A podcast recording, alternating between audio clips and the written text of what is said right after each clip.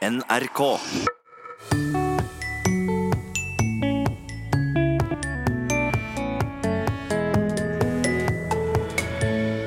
Lesing på skjerm har gjort oss til rastløse lesere, viser forskning. Det stemmer. Altså, det er forskningsbelegg for at vi faktisk blir mer rastløse fortere enn før når vi leser i dag. Grønnsaker og språk på en åkerlapp i Ringsaker gir god læring for innvandrerkvinner. Ja, ja. Vi lærer mye av hverandre. Jeg snakker med alle. Det er koselig å være sammen med dem. Så derfor jeg kom her og se forskjellige folk og snakke med folk og lære seg norsk. Og er det gammeldags å si lyserødt og mer moderne å si rosa? Vel møtt til Språkteigen. Hva foretrekker du? Å lese papirer, bøker eller aviser på skjerm eller på papir? Eller er det ingen forskjell for deg om du leser på den ene eller andre måten? Nye studier viser i alle fall at mye digital lesing fører til at konsentrasjonen vår blir dårligere. Og dersom vi leser mye på skjerm, blir vi raskere utålmodige når vi leser på papir.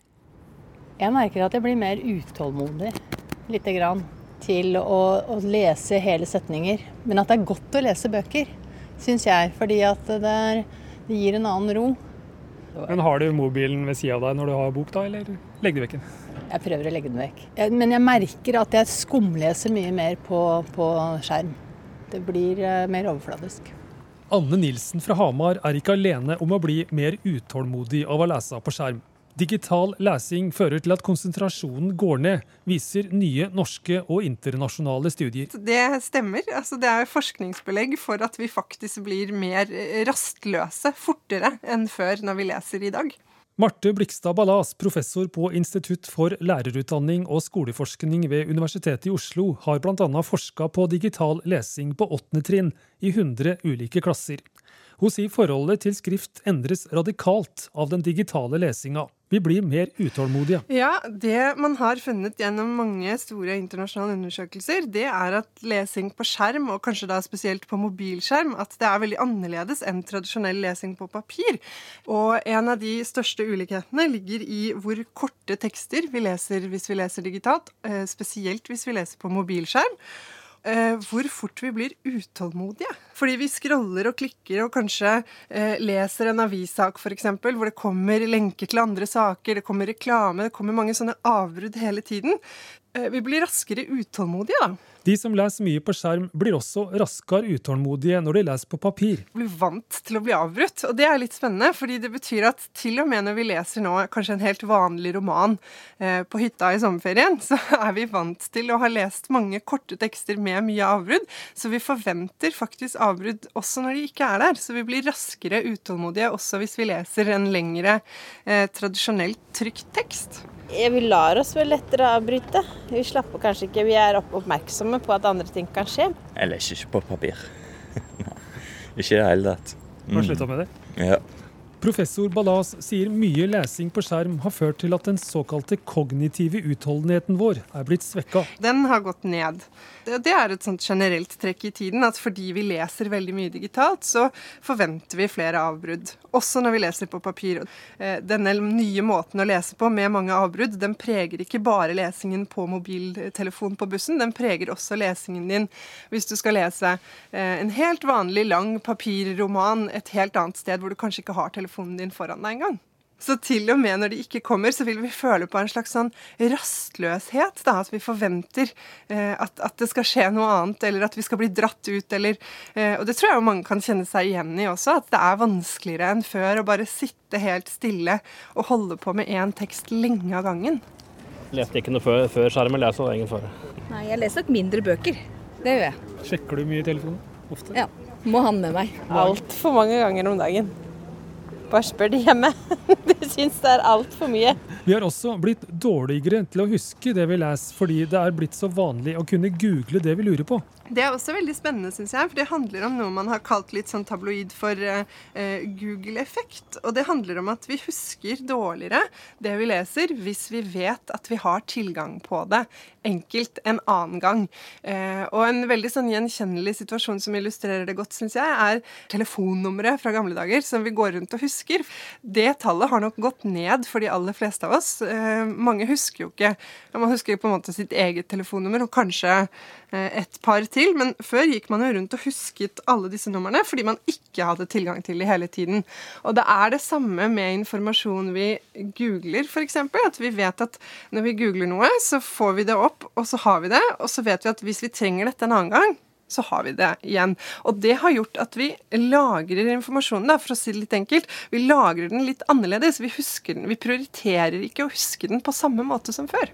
Eh, ja, mine bestevenninner og mannen min og foreldrene mine i hvert fall husker jeg telefonnummeret til. Men eh, mange andre ting tror jeg kanskje man kan glemme fortere. Husker du noe telefonnummer utenom ditt eget? Ja, men uh, mange færre enn før. Men de som jeg huska fra før jeg fikk telefon og, og googla, de sitter fortsatt, sitter fortsatt noen fasttelefonnummer i huet ja. som ikke kan brukes lenger. Husker du nummeret til dattera di? Nei, det kan jeg ikke. men ikke til barna, de kan jeg ikke. Husker du noe telefonnummer? Mamma sitt. Og så kan sjukebilen sitt og brannbilen sitt, politiet sitt. Ellen Marie og mamma Ingrid Julie Statler kan som de fleste av oss bare søke på nettet hvis de trenger det. Og Det kan jo egentlig, eh, altså det, det kan jo egentlig være en god ting også. Det, det, er jo fornuftig at vi ikke går rundt og på en måte prøver å huske absolutt alt vi har lest hele tiden. Det ville vært umulig. Men, men det er jo en, en tendens da, altså, som man har klart å finne i, i, flere studier, at hvis vi vet at vi har det eh, lett tilgjengelig neste gang, så husker vi det. Vi prioriterer ikke å huske det i samme grad som før. Vi bruker PC for å øve på gangetabell og sånt. På skolen skriver jeg på dataen, men jeg pleier å lese i bok eller avisa eller noen blader hvis jeg skal lese. Eh, men hvis jeg skal lese på telefonen, leser jeg mest meldinger. Hun har som mange tusen andre skoleelever PC på skolen. Men skolenes satsing på digital lesing og opplæring er ikke bare positivt, sier professoren på Institutt for lærerutdanning og skoleforskning ved Universitetet i Oslo. En av de tingene jeg tror er viktig for skolen å gjøre, f.eks., det er jo å bli mer bevisst på forskjellene i å lese på papir og skjerm, og snakke mer om det. Og så tror jeg jo eh, akkurat dette forskningsfunnet som man har gjort nå, med at det er vanskeligere for oss å lese lengre tekster hvis vi har lest mye digitalt, det vil gjelde alle skoleelever i dag. Så jeg tenker jo at det er viktig at lærere er klar over det. At hvis de føler at Hvis det er en lærer som har jobba veldig lenge, og som tenker at åh, det virker som det er vanskeligere for elevene nå å lese en lang tekst enn det var for bare 20 år siden. Så ja, det er det faktisk også. Det tenker jeg er viktig at man er klar over. Professoren mener vi bør bli mer bevisste på hva all lesinga på skjerm gjør med oss. Så jeg syns jo ikke vi skal slutte å sende SMS og prøve å få minst mulig nettekster og sånn. Det ville vært helt utopisk. Og jeg tror ikke det hadde hatt noe for seg heller. Så det vi må gjøre, er jo mer å være oppmerksom på at det endrer måten vi leser som befolkning på, og som mennesker på. Så også hvis vi vil ha evnen til å lese lange romaner og eh, den samme teksten uten avbrudd hele tiden, så må vi trene på det også. Eh, for lesing er først og fremst veldig trenbart. Så hvis man leser mye på en bestemt måte, så vil man bli god på det. Eh, ofte så har jeg på lydløs. Så da er det ikke noe problem å bare la det ligge. Marte Blikstad Ballas sier det å legge vekk telefonen er i ferd med å bli mer sosialt akseptert. Før var man veldig optimistiske når det gjelder evnene våre til å multitaske. Eh, og det er fullt mulig å multitaske, men hver gang du på en måte tar inn en ny ting i mengden ting du holder på med samtidig, så, så vil du på en måte spre kapasiteten din litt. Sånn at vi klarer faktisk ikke å drive på med 15 ting samtidig. Og det tror jeg jo også at det kanskje er mer bevissthet rundt i dag. At, at man må prioritere litt og se hva man skal drive mest med, og så kanskje slå av telefonen eller legge den bort eller gjøre litt færre ting samtidig. Og jeg håper det. Det hadde vært bra for oss alle sammen, tror jeg. I hvert fall når det gjelder lesing. Altså Hvis man skal lese, så tror jeg det er lurt å, å skjerme seg litt, i hvert fall. Det sa professor og forsker Marte Blikstad Ballas på Institutt for lærerutdanning og skoleforskning ved Universitetet i Oslo. Reporter var Stein S. Eide.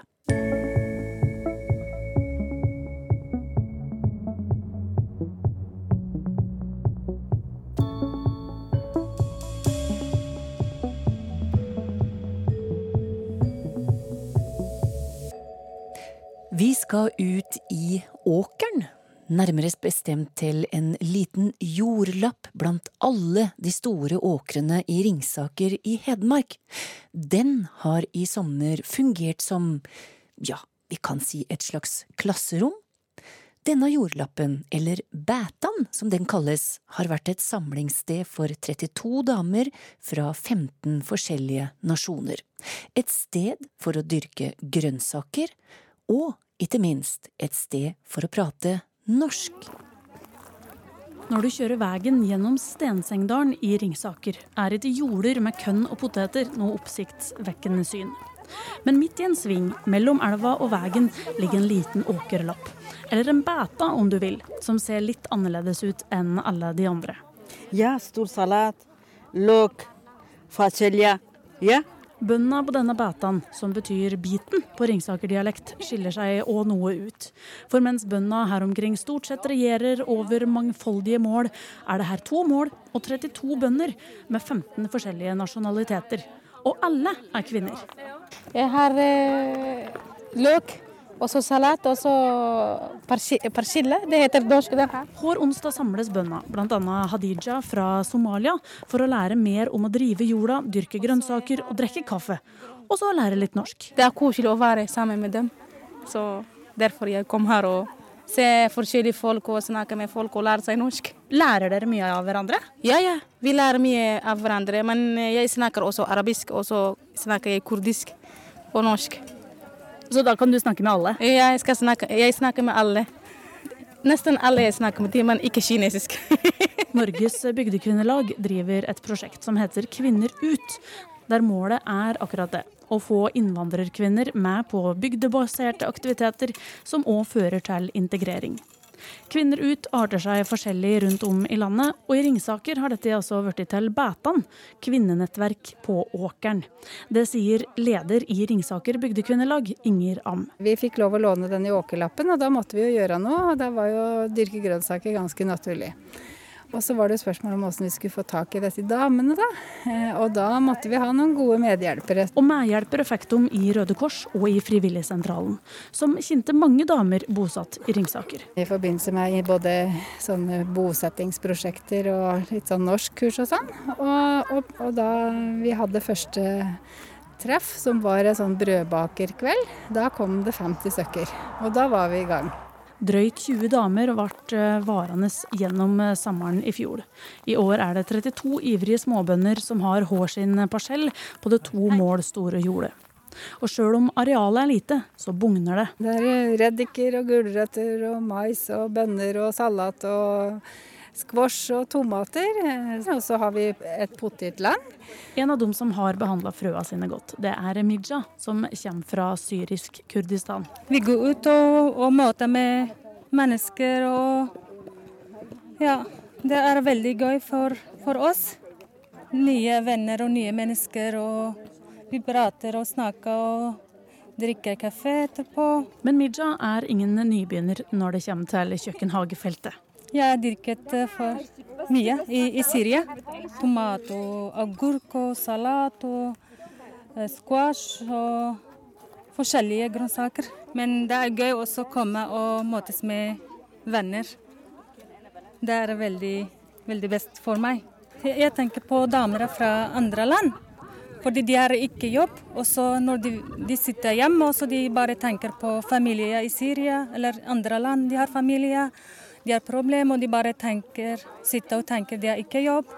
Og så det er veldig bra for, for dere å gå ut og, og møtes med mennesker og bra, prater og sånn. Det, det er, jeg synes det er veldig, veldig bra for oss. Bætan strekker seg med andre ord langt utover sine to mål, og alle som deltar sier det samme. At det er fint å kunne møtes og prate sammen og engasjere seg i et felles prosjekt som krever at du stiller opp. For om du ikke kommer, så blir det heller ingen grønnsaker. Med mindre du er så heldig at du har noen å sende som vikar. I dag eh, på Redd grønnsaker og fordi kona mi på jobb. Så du er med for å luke? Ja. Det er veldig snilt, da. Ja, takk. Reporter på Bætan i Ringsaker var Helle Therese Kongsrud.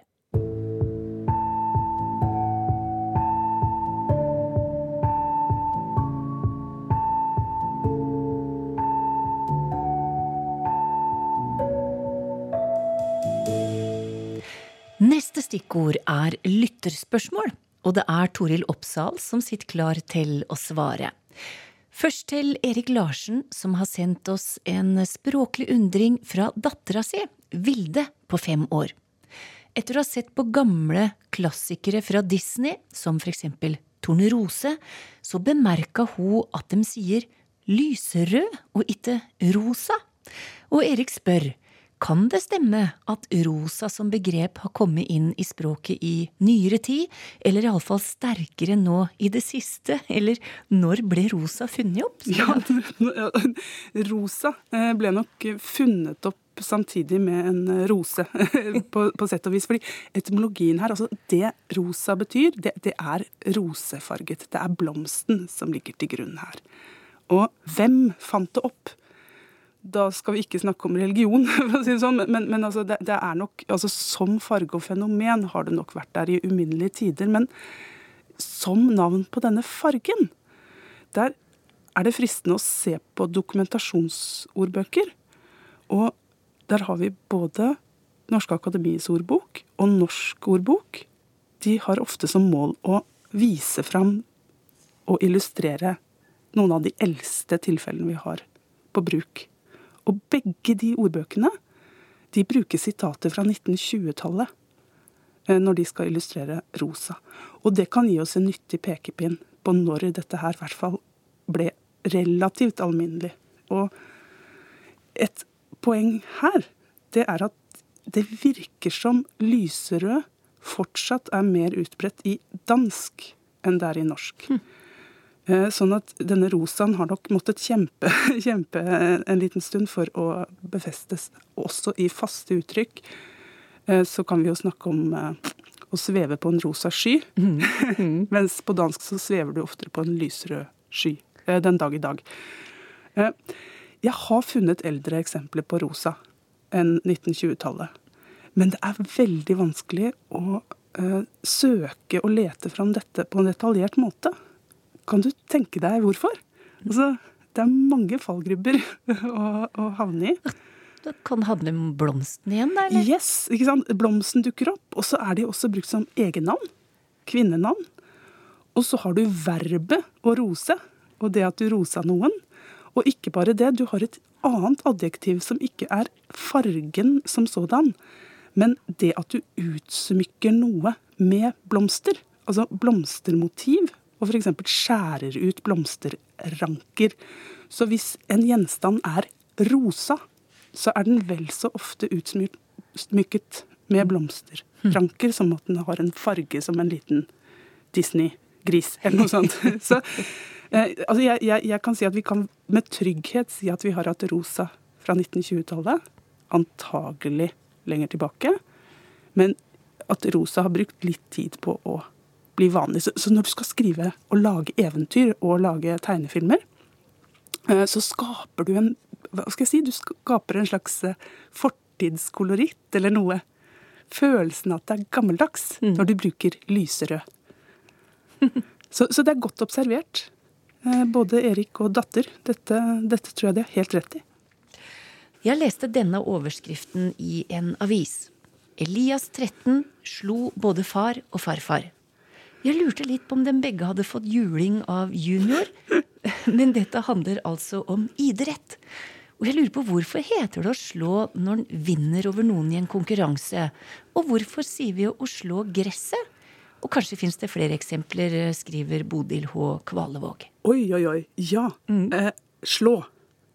Det er helt konkret å svinge eller bevege en hånd raskt, og gjerne mot noe. Og i denne hånda så er det av og til et redskap som også føres raskt mot noe. Og hvis du har rett redskap, så vil du kunne hogge av eller skjære. Så denne å slå gresset, den, den er ganske konkret. Mm. Eh, men i idrettens verden, som ofte går ganske parallelt med, med slagmarken, så, så, så, vil slå her være brukt i en overført betydning. Og om det fins flere eksempler Å ja, det gjør det. Ja. Altså dette her er et verb som har en lang, lang rekke med betydninger og bruksområder. Og de springer ut av dette, hva skal jeg si, kanskje høyst menneskelige Og denne evnen til å svinge og bevege på lemmene. Altså i dette tilfellet de øvre lemmene våre.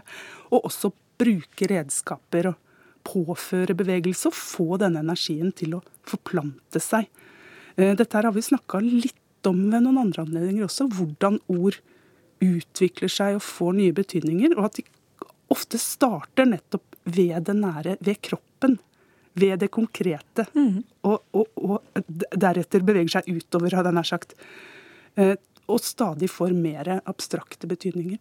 For slå kan jo også bety det å lage og frambringe en form. Eh, du kan slå leir, ja. og du kan slå krøll på halen hvis du har den. Og du kan også slå et stykke papir omkring noe. Hjertet ditt slår, og du kan slå lens, og du kan slå på en bok. Du kan slå i plate. Du kan slå opp med noen. Altså, dette her er en, ikke en endeløs liste, men den er veldig, veldig lang. Eh, og du kan også bruke slå refleksivt og slå deg løs. Eh, og du kan slå deg vrang. Eh, så dette her kan jo både Bodil Kvalevåg og andre får filosofere videre på. Og om ikke annet så har man noe å slå i hele tiden med, som man faktisk også kan bruke slå til. Så det er spennende.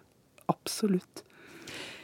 Jeg har litt problemer med tolkningen av ordet morsomt. Ordet brukes mye, men med forskjellig betydning. Det kan være noe som vekker på latter. Andre ganger mer i retning av interessant eller spennende. Og det skulle vært morsomt å vite når betydningen av ordet begynte å endre seg, skriver Otto Lone. Ja, dette her eh, hadde jeg faktisk ikke tenkt så, så nøye over. Eh, og så var jeg med lytteren her på tankegangen lenge. Men, men, men denne, disse to grunnbetydningene, altså dette hva skal jeg si, underholdende, muntre og litt lattervekkende på den ene siden, og denne betydningen som kanskje betyr noe mer i retning av eh, Betydningen betyr, har du hørt? Ja, det var morsomt. Nettopp. Interessant. Spennende. Som i Det var morsomt å møte deg. Mm. De to har vært der lenge. Det, det, det, ser ikke ut som den ene har tatt over for den andre i noen særlig grad. Og av og til så er det ikke så greit å vite om noe er underholdende, hyggelig eller interessant heller. Altså Her kan jeg nesten tipse dere om å gå ut og lese Ibsen. Altså Nora i et dukkehjem. Hun snakker om mye morsomt.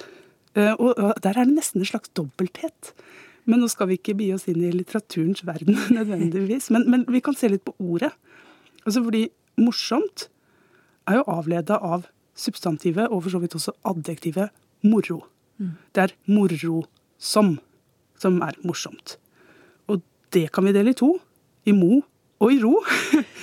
så, så mo er det eh, som vi også har i et mo som imot, i betydningen sinn.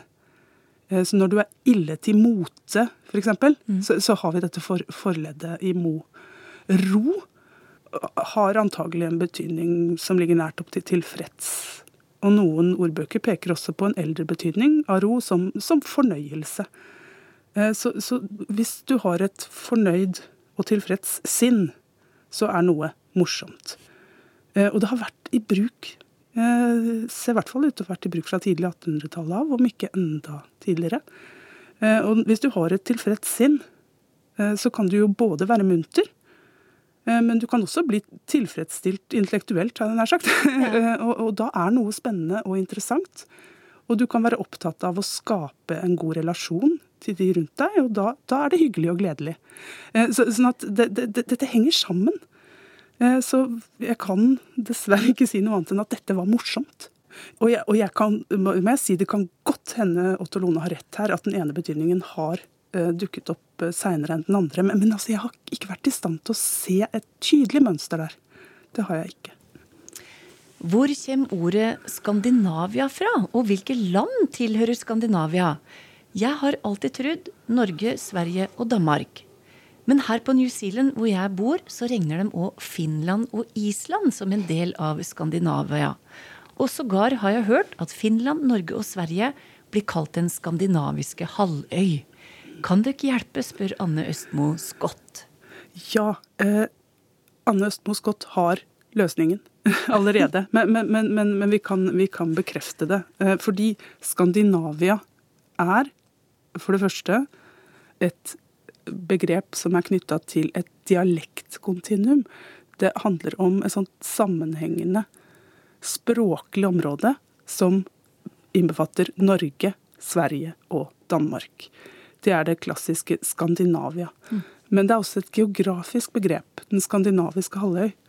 Eh, og der vil Norge og Sverige, også noen vil også regne den nordvestre delen av Finland inn i denne geografiske eh, enheten. Mm. Eh, Skandinavia som begrep det fikk særlig vind i seilene på 1830- og 1840-tallet gjennom skandinavistbevegelsen som oppsto da. Eh, som nettopp var opptatt av å skape en enhet. Både som skandinavisk identitet, men også da med tanke på mulighet for politisk samarbeid. Det som gjør det vanskelig på New Zealand og i andre engelsktalende land, det er at de mangler et strålende substantiv som vi har. Oh ja. De mangler Norden. Mm. De har ikke Norden. De er nødt til å snakke om the Nordic countries. Og da er det lett å ty til Scandinavia. Mm. Så, så at de bruker ofte Scandinavia i betydningen de nordiske landene. Eh, så, så, det er upresist. Eh, det dekker ikke det, dekker ikke det samme området, men, men, men, det er utbredt. Eh, så jeg, jeg, skjønner godt at dette skaper litt ja, problemer. Fordi av og til så har vi også behov for å snakke om Norden.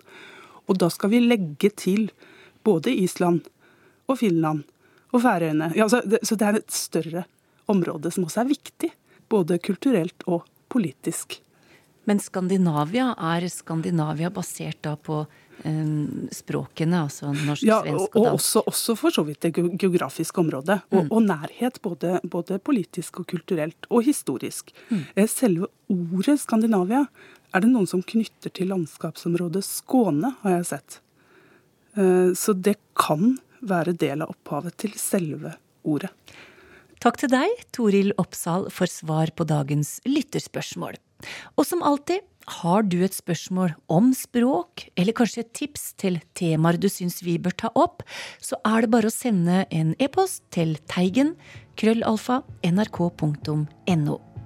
Og til uka er Språkteigen tilbake på sitt vanlige sendetidspunkt på radio, søndag klokka 9.30. Dette var det. Vi høres. Ha det bra.